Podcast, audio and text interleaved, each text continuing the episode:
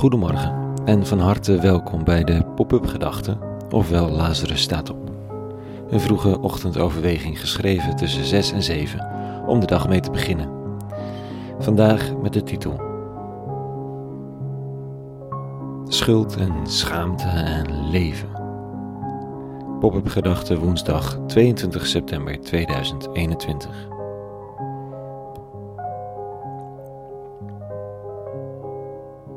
Wat moet je daar nu mee? Met schuld en schaamte. Er zijn er velen die, zodra ze het aantreffen, het over de schutting gooien als, als onproductief, dehumaniserend en domweg onnodig. Waarom zou je door het stof gaan als we allemaal falen? Waarom zou iemand anders jou kunnen zeggen wat je verkeerd hebt gedaan? Waarom zou je je überhaupt schamen? Er is niks om je voor te schamen, zeggen we dan. Al is het effect van zo'n uitspraak lang niet altijd afdoende. Schuld en schaamte kan diep gaan. Er is soms jaren aan therapie nodig om weer een beetje rechtop te durven lopen of er tegen te kunnen in het leven.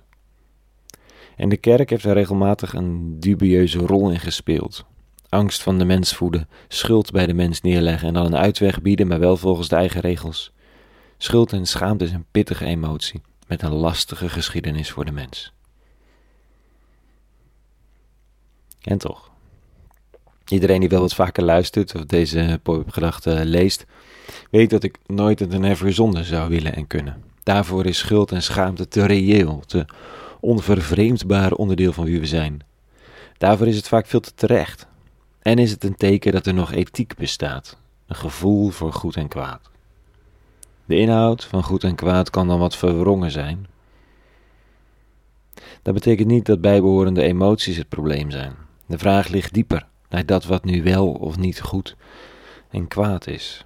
Als die een beetje op orde zijn, dan is schaamte zinnig en eerlijk. Niet voor niets ontwikkelden we vorig jaar een Europees initiatief rond de situatie van vluchtelingen aan onze grenzen, de Walk of Shame.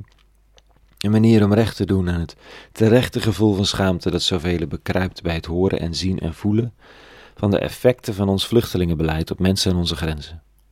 Je kunt het gevoel van schaamte over zo ongelooflijk veel onrecht wel wegmoffelen als non-productief. Je kunt er ook iets productiefs mee doen, want het is zo terecht.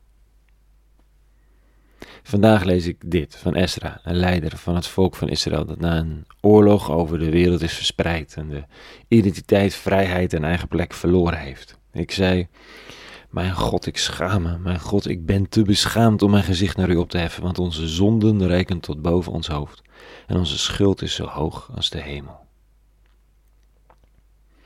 een kop op Ezra of een ik bevrijd je van je schuldgevoelens sessie zie je niet op zijn plek. Heel veel mensen zou ik minder schuldgevoelens toewensen of, of minder schaamte, maar hier, wie zich geconfronteerd ziet met de gevolgen van de eigen daden, heeft schuld en schaamte hard nodig. Het zijn reinigende emoties als ze een plek krijgen. Als het goed en kwaad dat erachter zit is gefilterd en gedragen door een reële maatschappij betrokken ethiek dan is er weinig krachtiger dan publiek, zoals Ezra, de plek innemen en zeggen: Ik schaam me diep.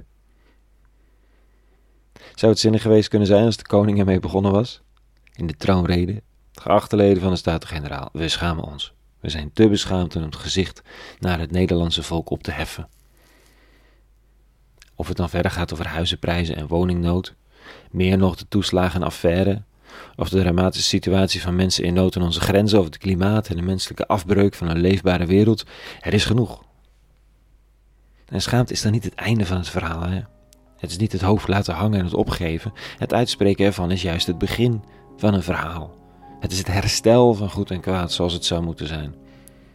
Het herinstalleren ervan. Schuld voelt als een doodlopende weg, terwijl erkende schuld en uitgesproken schaamte juist een stap is naar nieuwe verbinding naar herstel van het recht en nieuw leven.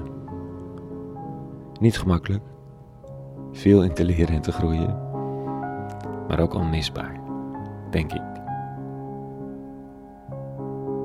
Tot zover vanochtend. Een hele goede woensdag gewenst. Een dag vol vrolijkheid, rust en waar nodig een productief schaamrood. En vrede daarin en daaronder. En alle goeds.